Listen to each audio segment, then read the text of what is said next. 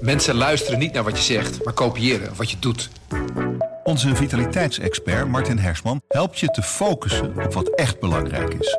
Beluister en bekijk Martin of een van onze andere experts op businesswise.nl. Businesswise, het nieuwe platform voor iedereen met ambitie. Dit is de podcast Politiek Dichtbij. Met Leendert Beekman en Tobias Den Hartog.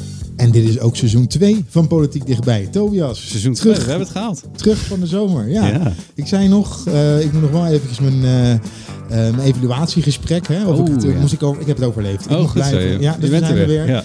En we gaan natuurlijk weer lekker praten over de stand van zaken op het Binnenhof. Ja, en daarbij gaat het ook over Zucht, de formatie. Ja, want voor de zomer Ja, waren ze nog niet zo ver. Nu zijn we na de zomer, Tobias. we is er zijn- wat gebeurd? nou ja, als, wel, als er iets is gebeurd, zijn we eigenlijk verder van een, ja, verder van een oplossing vandaan eigenlijk. Ja. Eh, de formatie is er heel weinig gebeurd, maar waar wel heel veel gebeurd is, dat is eh, in het dossier Afghanistan. De situatie in Kabul op het vliegveld is al weken verschrikkelijk. Mensen staan eh, letterlijk doodsangst uit. Ja, en eh, om hier eh, ons eh, over bij te praten hebben we eventjes geen politieke redacteur uitgenodigd, maar de redacteur buitenland, Bob van Uwet. Bob, welkom. Helemaal vanuit het buitenland binnengevlogen. Ja, Ja, helemaal binnengevlogen. Maar wel fijn dat je er bent om, om dit toch te duiden, dit, dit dossier. Ja, dinsdag is het 31 augustus. Dan verlaten de laatste Amerikaanse militairen Kabul. Ja. Die zitten nog op het vliegveld. 20 jaar zijn ze aanwezig geweest in Afghanistan. Is Amerika daarmee opgeschoten de wereld? Nou, de vraag zou moeten zijn, denk ik, wat is Afghanistan ermee eh, mee opgeschoten? Want dat vergeten we. Het wordt allemaal gerelateerd aan eh, wat wij daar ehm, hebben bereikt of niet hebben bereikt. Wat we denken hè, vanuit onze, onze ambities. Ehm, maar aan het einde van, de, van, van het verhaal zitten daar dus eh, Afghanen in een hele kwetsbare situatie zonder steun van ons. Eh, nou, de paniek heb je gezien, die beelden van mensen die zich eh, aan vliegtuigen vastklampen om te proberen het land uit te gaan. Ik bedoel, dat doe je niet zomaar. Hè? Dat, dan ben je echt in, in, in doodsnood, denk ik. En dat, ja, dat vergeten we. We hebben daar dingen opgezet, kunnen het misschien straks nog over hebben. Maar we hebben vooral verwachtingen gewekt. En ja, en dan ineens de stekker er zomaar uittrekken, dat, eh, ik vind dat dat doet pijn. Twintig jaar geleden gingen we, of ging Amerika naar Afghanistan na de aanslagen eh, eh, op 9-11, hè, de Twin Towers, Ja. het Pentagon.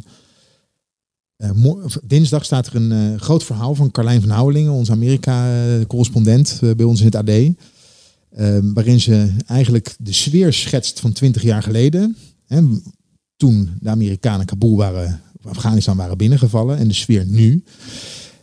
En de sfeer toen, ik weet niet of je het nog kan herinneren, Bush, die Ja, een stevige taal sprak. Ja, Eh, en we gaan, eh, het was het idee natuurlijk om Al-Qaeda eh, te Exact. verslaan. Hè. Die, Afghanistan zou de, de terroristen huisvesten. Nou, dat deden ze. Ja, Dus, ja. en het was een zoektocht naar, naar Bin Laden, die uiteindelijk niet in Afghanistan gevonden is overigens. Nee. Maar dat was oorlogstaal. En nu, ik wil even naar Biden luisteren, want nu horen we dat eigenlijk weer, nu ze vertrekken. To those who carried out this attack, as well as anyone who wishes America harm, know this. We will not forgive. We will not forget. We will hunt you down and make you pay. En dit natuurlijk naar aanleiding van de aanslagen vorige week donderdag op het, eh, op het vliegveld. 170 doden. 13 Amerikaanse soldaten eh, eh, zijn erbij omgekomen. Eh, maar dit is toch dit is oorlogstaal, toch? Hè, daarom vroeg ik je net, wat zijn we nou opgeschoten? Nou ja, als je kijkt wat zijn we opgeschoten met oorlogstaal, eh, niet veel. Het is hetzelfde verhaal. Maar toch nog even terug naar hoe dit begon. Hè? Want daar had je het net over. Dus eh, we hebben die aanslagen die straks op eh, 11 september dus, dus worden herdacht. Ik denk de haast die de Amerikanen nu hebben om weg te komen. eh, die haast heeft daar ook mee te maken. Want straks krijg je dus diezelfde Biden die dat drama van 11 september gaat herdenken.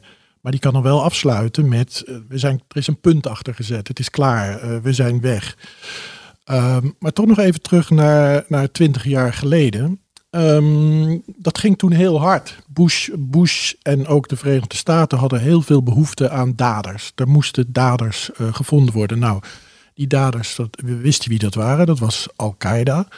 Maar nou moet je eens even kijken wat Afghanistan daarmee te maken had. Behalve dan dat um, Bin Laden op dat moment in Afghanistan verbleef. Maar de daders waren vooral uh, Saoedi's, hè, mensen uit Saoedi-Arabië uh, die het hadden gedaan. De financiën kwamen voor een deel uit Saoedi-Arabië. Bin Laden zelf uit Saoedi-Arabië. Maar Saoedi-Arabië is een ander land om aan te pakken dan Afghanistan. Afghanistan was wel makkelijk uh, eigenlijk. Als je daarna kijkt uh, wie de Taliban in de eerste fase hebben gesteund, kom je weer uit bij uh, Saoedi-Arabië. Dan kom je uit bij Pakistan.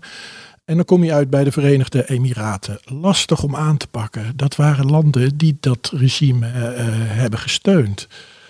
Maar Afghanistan wel, dat kun je wel daar kun je wel op losgaan, uh, bij wijze van spreken. Nou, dat is gebeurd. Dat is met allerlei is best wel succesvol geweest. Hè. Uiteindelijk hebben ze zelfs Bin Laden gevonden en uitgeschakeld. Die dan weer niet in Afghanistan zat, maar in Pakistan. Maakt niet uit. Um, daarna uh, is het toch wel redelijk succesvol geweest. Ook militair. Tot het moment dat ineens de stekker eruit wordt getrokken. En dat, dat, ja, dat klopt niet, denk ik. Nee, want daar gaan we nu naartoe. De ja. Taliban werd verdreven in 2001. Ja. Vrij snel. Ja. Amerika kondigde aan weg te gaan. 31 augustus uh, zouden de alle kondigt ze aan, we gaan dan uh, met alle militairen het land uit. En eigenlijk is binnen no time is de Taliban weer de baas in Afghanistan. Ja. En dan komen we nu even naar het politieke deel, uh, Tobias. Uh, is dit nou een verrassing? Stond de wereld en ook onze minister van Buitenlandse Zaken, Kaag, uh, voor een verrassing? Kwam die voor een verrassing te staan of had ze hier toch beter op moeten anticiperen? Ja, ik ben, ook wel benieuwd wat jij ervan vindt, Bob. Want ik, ik kan me voorstellen dat, kijk, Nederland leunt qua militaire inlichtingen altijd heel sterk op de Amerikanen en in sommige gevallen op de Britten. Maar dat is eigenlijk onze informatiepositie. Wat de Amerikanen zeggen dat in dat soort gebieden gebeurt, daar gaan wij vanuit dat dat gebeurt. Nou ja, ik, Nederland heeft te kennen gegeven, vol, volgens mij tamelijk eerlijk, van jongens, die, die opmars van de Taliban, het ging zoveel sneller dan wij hadden verwacht dat, dat is, was moeilijk in te schatten voor onze uh, westelijke uh, uh, vrienden, de, de, de Amerikanen. Um, en dus ook voor ons. En ja, dan, kun je, dan, dan, dan, dan spoelt die Taliban een soort golf over dat land heen. stuurt alle problemen voor, voorwaarts naar dat vliegveld. En ja, de, er wacht Sigrid Kaag en Rutte wachten echt nog wel pittige debatten. Uh, hierover in de Tweede Kamer.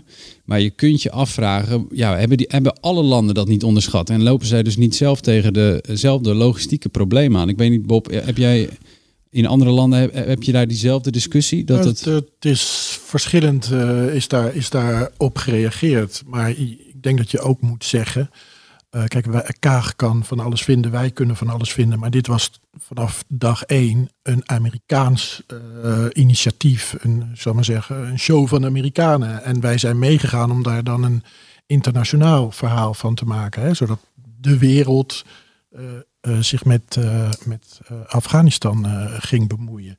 Maar die andere landen. Um, nou, er is vaak verwezen naar, naar Frankrijk. Frankrijk heeft die signalen wel veel beter gelezen. Die hebben uh, vanaf mei, als ik me niet vergis, al georganiseerd mensen weggehaald. Uh, wij niet. Waarschijnlijk hebben wij te veel op die Amerikaanse uh, informatie vertrouwd. En daar wil ik toch nog wel wat over zeggen hoor. Want een van de redenen waarom het zo snel ging en de hele boel instortte, was dat de Amerikanen echt midden in de nacht dat uh, vliegveld Bagram, dat ligt ten noorden van Kabul, hebben ontruimd. En uh, niet alleen hebben ze daar hun vliegtuigen weggehaald, maar wat blijkt nu, ze hebben ook 16.000 man onderhoudspersoneel weggehaald. En eigenlijk zeg je dan tegen de Afghanen, ja bekijk het maar. En uh, de, het, het succesvolste middel tegen de opmars van de Taliban was juist die luchtsteun. Dus als een Taliban tank ergens op de weg verscheen, dan hoefden ze maar te bellen ergens en, en dan kwam er een drone en dan was die weg. Of er kwam een aanvalshelikopter en dan was die weg. Als je daar ineens de stekker uittrekt en je zegt tegen Afghanen, nogmaals, dat vergeten we vaak, van hoe dat vanuit die Afghanen wordt beleefd. En dan zeg je eigenlijk tegen die Afghanen, ja weet je, ga maar vechten met de Taliban, bekijk het maar. De luchtsteun die je in het verleden hebt gehad, waardoor je een kans had, waardoor je zelfs kon winnen, ja die is er niet meer. We zijn allemaal weg. Nou, dat soort signalen uh, zijn door veel uh, bondgenoten van de Amerikanen denk ik niet goed gelezen. En de Fransen zijn altijd een beetje eigenzinnig geweest. En die hebben dat kennelijk beter gelezen. Die hebben gezien, oh jee, als die luchtsteun wegvalt, dan kan het wel eens heel hard gaan. En dan kunnen ze wel eens binnen een paar maanden in Kabul staan. En, nou, en dat gebeurde. Fransen zijn begonnen in, in uh, nogmaals, wat er heel veel op de Fransen aan te merken. Maar dit hebben ze kennelijk beter gelezen. Hun mensen waren weg. Een paar duizend mensen waren weg. En nu moet Kaag uh, ja, een beetje toch wel gaan bedelen bij om, omliggende landen. Denk aan die honderden uh, mensen die nog iets met Nederland hadden. ga die helpen. Ik bedoel, dat is een ander verhaal. Hè? Daar sta je niet sterk, denk ik. Ja, nee, en, ik denk, en dan heb je Kaag aan de ene kant. Hè, ik, heb, ik, ik, ik had het net over politiek debat. Wacht haar dan natuurlijk een, een, een pittig politiek debat. En is het ook wel interessant om te kijken naar de rol van de Tweede Kamer zelf. Hè? Want die hebben blijkbaar ook heel erg die, misschien die Amerikaanse bril op gehad. Want als je een paar maanden terug, als je, je hebt het, vanaf de aankondiging van de Amerikanen van wij gaan Afghanistan verlaten in principe heb je dan een nieuw speelveld. Hè? Want je vijand weet als het ware, er, staat, er zit een einddatum op jouw aanwezigheid hier. Dus vroeg of laat gaat hier een vacuüm ontstaan. Nou, er is in de Tweede Kamer, is er uh, ja, sinds die ontwikkelingen spelen, is het niet top of mind geweest. Nou zaten we weliswaar natuurlijk ook zwaar in coronatijd. Maar het is niet zo dat de Tweede Kamer eh, zelf ook... en die hebben nu best wel veel initiatieven ontplooid om mensen hierheen te halen. Veel kritiek op Kaag. Maar het is niet zo dat zij vooraan stonden met allerlei waarschuwingen van jongens, let nou op en uh, begin op tijd. En dat is, dat is ook nou, niet waar. tolken zullen zij zeggen, ja, ja maar daar, jawel, maar daar was ook al wel langer beweging op. Hè. Het gaat erom dat die groep is zoveel groter gebleken dan de ministeries hadden ingeschat. Er kwamen veel meer mensen bij, er kwamen familieleden bij. Ja, dat, die, die, die groep is meer uitgedijd dan, ehm, dan, dan men had geanticipeerd. Dat kun je een fout noemen natuurlijk. Maar... Nou, nou nog, nog, nog iets, denk ik, wat echt wel uh, een, een, een, een onderschatting van de situatie is geweest. Kijk, uh, dit, dit speelt al, al twintig jaar, dit verhaal. En ineens kwam Donald Trump er. En Donald Trump was van America First. En die heeft dit soort dingen aangekondigd. Die is met de Taliban gaan, gaan onderhandelen of deals sluiten, zoals dat dan heet in, eh, in het jargon Trumpiaans. Van, in Trumpiaans. Ja, dat, uh, nou, dat, waren, dat zijn best wel rammelende deals. Maar goed, het, het, het signaal was er. We gaan weg. Ook omdat een groot deel van de Amerikanen, elke peiling geeft dat aan, vindt dat. Dat Amerikaanse soldaten niet uh, in, in verre landen uh, hoeven te sneuvelen. Oké, goed, Trump. Dat was een duidelijk signaal. Maar en daarna kwam Biden. En toen is er denk ik een enorme inschattingsfout gemaakt. Want Biden, die was zoveel uh, rationeler dan Trump. En, en die was toch veel in, internationaler ingesteld. En Biden was niet van America First. Nou, Biden is wel van America First. Misschien nog wel harder dan Trump. En um, ja, en, en, die, die, en toen kwam die datum ook nog eens een keer eh, van, van die, uh, die 11 september waar we het over hebben gehad. Die symboliek die daaraan hangt, daar hangt Biden ook heel erg aan. En dus ging de stekker eruit. En ook, ja, wij dachten het zal wel meevallen met Biden, maar het viel niet mee met Biden. En dat is, ik denk, ja, dat is ook een, een vorm van onderschatting geweest. Ja. Ik wil even naar Kaag luisteren, wat zij zelf hierover gezegd heeft. Hè? Over de evacuatie van van Nederlanders vanuit Kabul en het, het hele eh, traject dat daar naartoe leidde. De evacuatie nu, uh, die heeft versneld plaatsgevonden. Uh, en als we kijken hoe Nederland het uiteindelijk heeft gedaan in verhouding tot veel andere Europese landen, dan, dan, is het een, ja, dan is het een hele mooie inzet geweest. Maar het is nooit genoeg als je kijkt naar de aantallen en de snelle verslechtering ter plekke. En uh, de, de korte deadline, bijna onmogelijke deadline, waartegen we allemaal uh, moesten vechten. Ja, Bob, ik zie jou gelijk je hoofd schudden. Bij het moment dat ik ook denk, zij zegt. Het is in vergelijking met andere landen hebben we het wel goed gedaan. Nou ja, dat een, een beetje mooie inzet, mooie inzet, geweest. Ja. ja. Nou, um, doet me dat dat is- gelijk dat is- denken aan jou, aan- als jouw zoon thuis komt met een slecht cijfer.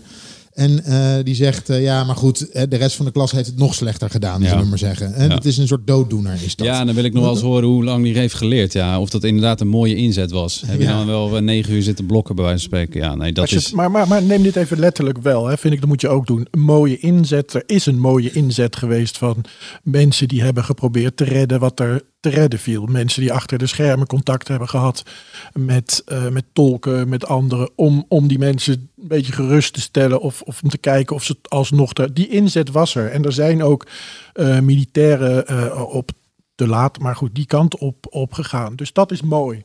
Maar mooi in de zin, als je het, als je het dan, je verschuilt je dan, dan een beetje achter je eigen falen, denk ik. ik bedoel, het, het is mooi wat daar is gepresteerd door individuele mensen en de inzet van anderen om zoveel mogelijk Afghanen te redden. Het is niet mooi wat daar is gedaan in de voorbereiding om juist dit te voorkomen. Dat is, was niet mooi. Nou, het is bedankt voor de moeite, maar het is niet helemaal gelukt. Ja, het is een beetje eh, operatie geslaagd, patiënt overleden. En, en daar, daar kun je in Den Haag wel een end mee komen, maar niet tot het einde natuurlijk. En ik, Nou, ik- je zegt ook iets over die deadline, en dat noemde jij net zelf ook al. ja, Tuurlijk eh, is Kabul veel eerder gevallen dan het iedereen eh, had verwacht. En als Kabul niet gevallen was, is dat vliegveld nog open geweest. Mm.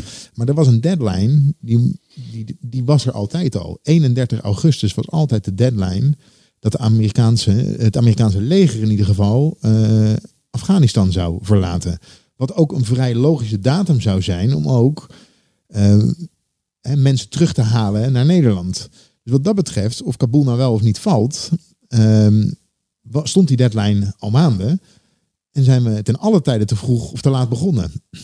Ja, bij, bij zo'n deadline hoort ook. eh, Een plan kijk, van daar, aanpak. daar hoort, en daar horen scenario's bij. Ik bedoel, je, hè, je, je hoeft niet eh, geen waarzegger te zijn om te kijken wat er zal gebeuren in de laatste dagen voor, voor, de, voor de deadline. Dan zullen mensen proberen naar dat vliegveld te komen. Dat is toch duidelijk. Dat is al een paar keer in de geschiedenis eh, vertoond. Dat is vaak de, hoe de Amerikanen uit Vietnam vertrokken. Dat is, wordt dan vaak aangehaald. Ik weet niet of je die beelden nog kunt Mhm, herinneren. Saigon. Saigon. Op was er nog niet, maar kan ze wel. nou ja, kennis, ik wel. Ja. Eh, op het dak van de, van de ambassade worden dan, landen dan de laatste helikopters. En de, de laatste helikopters vliegen naar vliegdekschepen die voor de kust liggen. Die vliegdekschepen kunnen de helikopters niet eens meer ontvangen. En ze donderen de helikopters in zee, lege helikopters, om andere helikopters te kunnen laten landen, zodat ze mensen kunnen Dat is chaos. Hè? Nou, vergelijk dat even met mensen die aan vliegtuigen hangen nu. Dat, en en da- dan kun je zeggen van ja, dat hadden we misschien niet verwacht. Zo gaat het altijd. Als jij weet, eh, wij vertrekken en alle mensen die van ons, ons afhankelijk zijn geweest, ja, die, die, die weten die datum ook. Dan zul je langer van tevoren wat moeten organiseren. Zo werkt het. Maar als dat, die wetmatigheid snap ik, hè, Bob. Maar eh, even de, in de, in de eh, eh, even om het in perspectief te plaatsen. We hadden van de week die, die, foto van dat huppelende meisje op, de, op het vliegveld. Die, ging, die huppelde zo vrolijk zeg maar, richting een, vliegtuig. Dat, dat beeld dat kwam via socia- social media werd dat verspreid. En was een Afghaans meisje op weg naar een vliegtuig. En dat ging heel ordentelijk. En dat meisje, dat was- wel een ontwapenend beeld. Dat was gewoon, ja, zeg maar in de treurigheid van dat vliegveld en de wanhoop, was dat gewoon een jong meisje. En die huppelde gewoon. En die ging richting dat vliegtuig. Maar nu, nu las ik dat dat meisje, die, was, die, die woont al zeven jaar in België met haar familie. Die waren op vakantie in Ja. Afghanistan. Dan kun je natuurlijk al op afvragen van... Daar, voor Afghanistan gold gewoon een negatief reisadvies enzovoort. Dat zal voor België, voor Nederlanders niet anders zijn. Maar je kunt je natuurlijk afvragen als de mensen, hè, dat dus, dus een jong gezin, dat die gewoon in, in, die hadden nog gewacht op hun vaccinaties, zodat ze er veilig heen konden. Die gaan dus naar dat land toe. Die hadden in niets de verwachting dat dit zo snel zou gaan. Dus je kan van overheden natuurlijk meer verwachten hè, op het gebied van inlichtingen en eh, strategie. En precies, zij zullen Saigon ook in hun hoofd hebben van dit is een wetmatigheid, dus daar moeten we oppassen.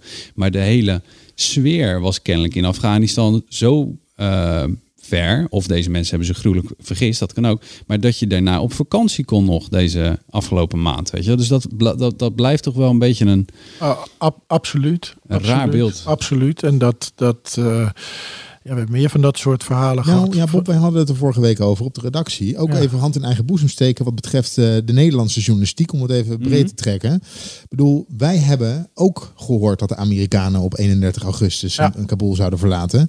Er zit geen één Nederlandse journalist op dit moment in Afghanistan, voor zover ik weet. De NOS die doet eh, van kilometers eh, eh, Vanuit Pakistan geloof vanuit ik? Pakistan eh, eh, verslag. Wij zijn er niet, de Telegraaf is er niet. Kortom, niemand is daar. Wij hebben er ook niet op geanticipeerd. Absoluut. En wij hebben ook niet geschreven toen die Fransen begonnen te evacueren van hé, hey, wat is er aan de hand? De Fransen zijn bezig om hun mensen weg te halen. Nee, dat klopt. Heb Maar je- is het dan makkelijk praten voor ons, of niet? Want is, ja, we hebben natuurlijk altijd makkelijk praten wat dat betreft.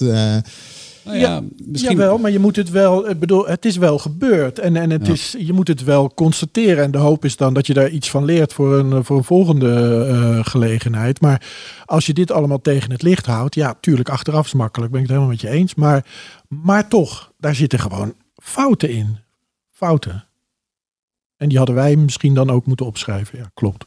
Ja, ja, misschien hadden wij daar ook kunnen zijn. Ik weet niet, Dat is misschien eh, een fout van ons. Ik hoorde dat ja. de Telegraaf wel eh, probeerde om, eh, op kritiek van Catharine Kel overigens op Radio 1, wat vrij vermakelijk was, maar eh, Mhm. dat die wel geprobeerd hebben om daar een verslaggever eh, te krijgen. Wanneer recent bedoel je? Of, Ja, ja, ja. Ja, nou ja, daar hebben wij, dat hebben wij ook geprobeerd. Maar dan moet je ook weten dat... eh, Was jij dat ook? Was jij gegaan, Bob? Het, dit ging om een collega die zou eh, misschien zijn gegaan. Die is het ook gevraagd en we hebben ook gekeken. Maar dan, ja, dan moet je wel de afweging nemen. Kijk, jij bent chef en je stuurt iemand eh, die kant op. En je weet niet hoe, hoe dat Mhm. afloopt. En eh, wat ook is gebeurd, dat journalisten even heen en weer zijn gevlogen met een Nederlands vliegtuig. En dan op het vliegveld en dan weer terug. Ja, weet je, dat, dat is het niet. Het verhaal zit hem juist buiten dat vliegveld. En waar, waar al die Afghanen staan te dringen. En waar dus ook een bom is, eh, is afgegaan. En om, dat is heel flauw wat ik nu ga zeggen. Maar toch, als je die kant op wil, daar zitten tegenwoordig eh, verzekeringspremies aan vast. Dat wil je niet weten hoeveel. Dan heb je het over, over vele, vele duizenden euro's per dag, per week en zo. Dat, dat is ook een afweging. Hè? Kunnen wij dat, kunnen wij dat eh, opbrengen? Willen we dat opbrengen? Plus het, het gevaar. Ik bedoel, ik ben in het verleden zelf ook een tijdje chef buitenland geweest. Ik heb altijd gezegd, ik ga niemand ergens naartoe sturen waarvan ik niet weet of die gaat terugkomen. Dat is mij het verhaal niet waard. Duidelijk. Tot slot, ehm Tobias, je zegt, Kaag zou hier ooit een debat over moeten Ja, zeer binnenkort. Ja, zeker. zeker. Ja, nee, nu is die, die hele, dat hele diplomatieke spel is nu op gang. Hè, wat, eh, wat Bob ook al aanhaalde. Die, die, die, die poging om in de... eh, eh, er worden mensen ook eh, vanuit Afghanistan... worden over de weg nu naar eh, buurlanden proberen te vluchten. Daar vandaan probeert Nederland nu eh, ja, een soort, via een soort coalitie mensen alsnog naar Nederland te krijgen. Kaag gaat daarvoor ook naar Pakistan, Turkije, Qatar om daar eh, afspraken te maken met eh, omliggende landen en misschien zelfs ook eh, direct met de Taliban. Ik denk niet overigens dat zij gaat onderhandelen met de Taliban. Dat zal ze aan de Amerikanen laten. Eh, nog los van eh, of Kaag, die heeft wel eens een, een foto met, met hoofddoek Ja, ja, en zo. Nou, dat gaat tot in, ook, dat, dat ja. achtervolgt tot in het treuren. Maar ik denk niet dat ze het daarom zou laten hoor. Maar ik denk, ik denk gewoon niet dat dat gebeurt. Maar ze, zal, ze doen momenteel wel alles bij, bij buitenlandse zaken om, om die mensen hier alsnog heen te krijgen. En ja, daarna wordt de rekening opgemaakt. En die zal niet vrij zijn, maar of hij, of hij, of hij fataal is, dat betwijfel ik. Ik bedoel, dit is, het is wat Bob zegt. Er zijn fouten gemaakt. Eh, Veel zag je aankomen, veel had je kunnen weten. Maar ja, eh, de, zoals ze zelf zei, de inzet was mooi. Een mooie inzet. Ja, de, ik denk niet dat haar eh, veel eh, verweten zal worden dat ze te weinig heeft gedaan. Ook al begon dat allemaal te laat. Hoe kwam Kaag op jou over? Want hè, voor video en voor audio knippen wij quotes. En daarin kan je, als je dat gaat doen, moet je een mooie natuurlijke stoppunt hebben als je quotes aan het knippen bent. Ja. Wat mij opviel was dat Kaag eh, snel sprak. De zinnen niet afmaakte. Van Mm. de ene gedachte naar de andere gedachte sprong. eh, veel Engelse woorden gebruikte op het moment dat ze, eh, dat, dat, dat ze aan het Een woord soort was. VN-jargon vond ik dat. eh, Ja, en daardoor kwam ze op mij in ieder geval. Maar dat was op jouw chef, eh Laurens Kok, was dat niet het geval. Maar op mij kwam ze daardoor een klein beetje over alsof ze de controle aan het verliezen was. Zeker vorige week, anderhalve week geleden, toen dit allemaal begon te spelen. Bob, Die schreeuwt ja, die is het ermee eens. Knik. Ja, ik, kan me, ik, ik heb ook even wat quotes terug zitten, zitten luisteren van, eh, van Kaag. Ik kan me het wel een beetje voorstellen. Het is ook maar net in welke situatie je zoiets hoort. Hè? En wat je erin wil horen. Want je kan zeggen, oh het is eh, van de hak op de tak. Dus dat lijkt een beetje warrig. En eh, weet ze al wel precies wat ze vertelt en zo. Ja, kijk, iedere, ik vind het altijd lastig. Want iedere lijsttrekker eh, heeft eh, een beetje zijn eigen stijl. Hè? Je, hebt ook, je hebt ook lijsttrekkers met een accent. Of je hebt lijsttrekkers die...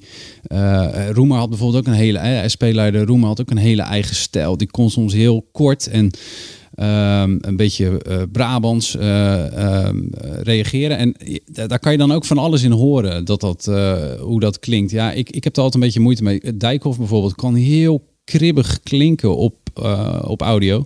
Maar als je hem het ziet vertellen, of zag vertellen, want hij is nu weg uit Den Haag, maar als je het hem zag vertellen, dan viel dat eigenlijk wel mee. Dan zat daar wel een lachje bij. En een, eh, ja, dus ik, ik vind het altijd moeilijk in te schatten. Ja, dit was het specifiek. Ik weet niet of je het kan herinneren. Het is moeilijk. ja, Bijleveld en Kaag liepen over het Binnenhof. Ja. En eh, de, de verslaggevers die moesten ook de achteruit, liepen snel. ja, Kaag was aan het praten. Voor mijn gevoel van een hak op de tak. En Mhm. ondertussen was Bijleveld er de hele tijd aan het interperen. Die was de hele tijd door de heen aan het praten. ja. Dat maakte op mij een hele je, onrustige indruk toen. Ik had ook het idee dat, ehm, ik, ik ben het met je eens hoor, maar ik had ook het idee van, dit is haar ding, weet je wel? Dit is haar ding. Internationale eh, contacten, internationale ontwikkelingen, daar is ze groot mee geworden. Ik herinner me toen Kaag eh, kwam, Ja. toen kregen we die hele cv van Kaag. ja de Eh, OPCW. en- ja, Syrië en zo. Ja. En de, onze diplomatieke superster. En, Ja. en, en noem het allemaal maar op. Dat zat er allemaal bij. En nu, juist op dit gebied.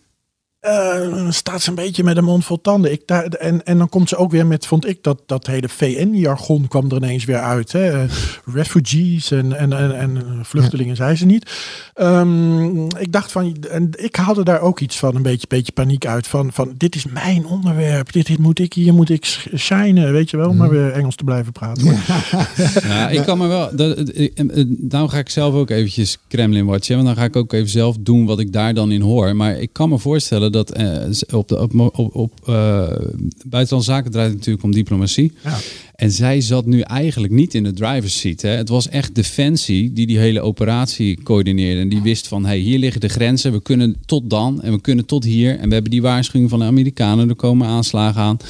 Zij hoort dat eigenlijk maar aan en moet zich daar een beetje... eh, ja, zij moet daarop anticiperen. Het is niet dat ze de lijnen kan uitzetten. Ik begrijp wel, dit is haar vakgebied, haar onderwerp. Zij is die topdiplomaat. Ik bedoel, daar heeft D66 haar ook eh, op, op binnengehaald en op verkocht eigenlijk.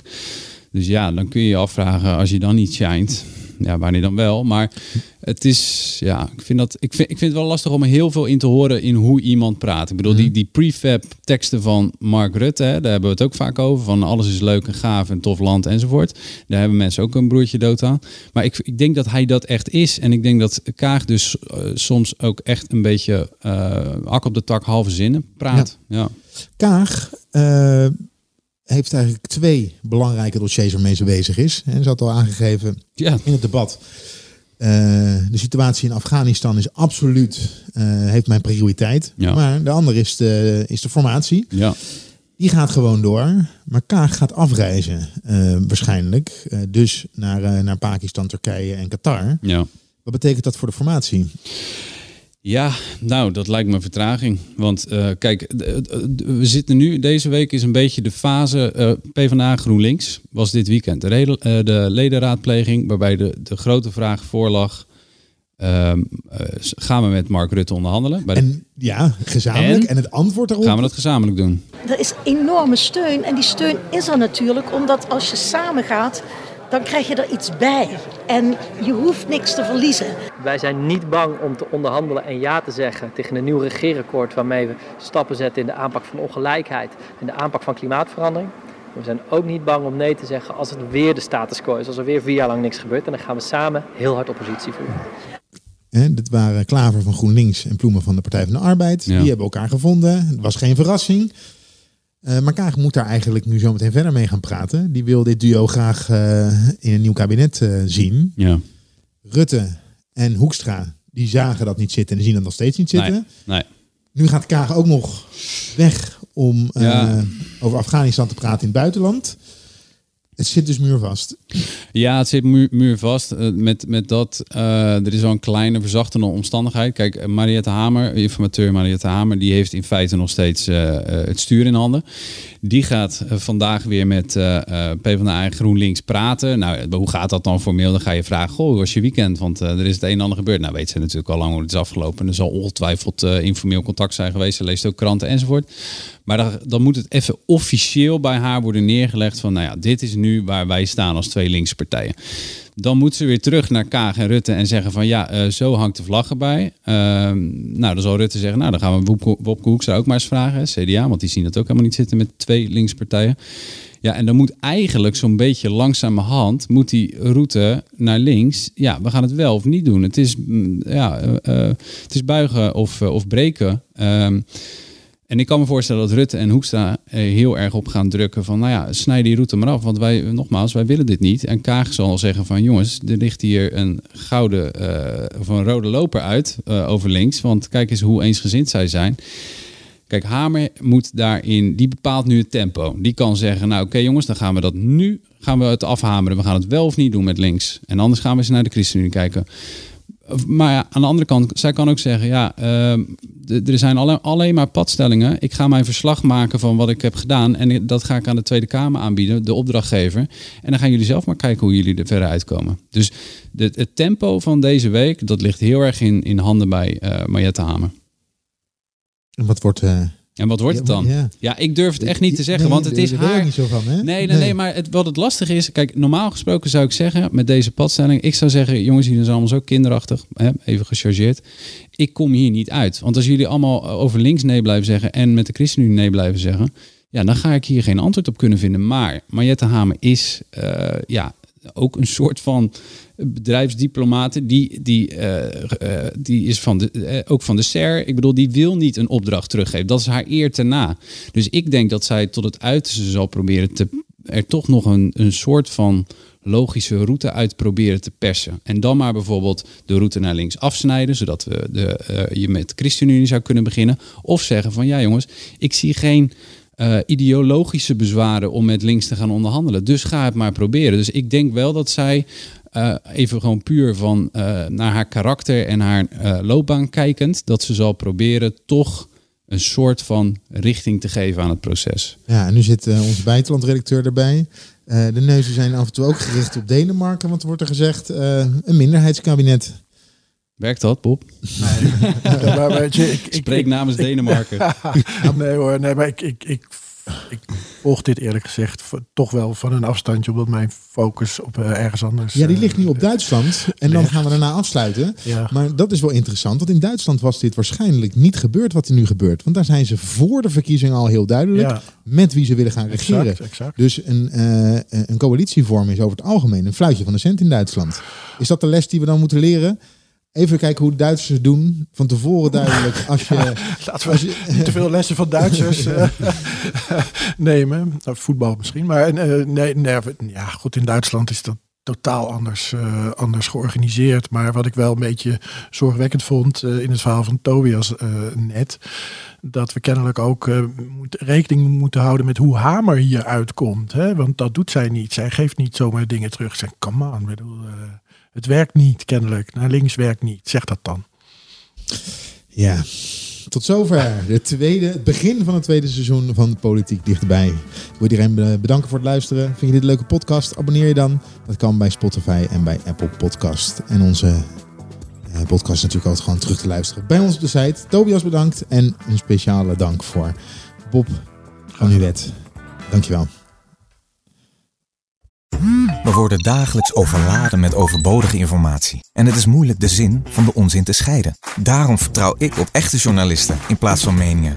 Een krantenmens heeft het gemakkelijk. Word ook een krantenmens en lees je favoriete krant nu tot al zes weken gratis. Ga snel naar krant.nl. Bezorging stopt automatisch en op deze actie zijn actievoorwaarden van toepassing.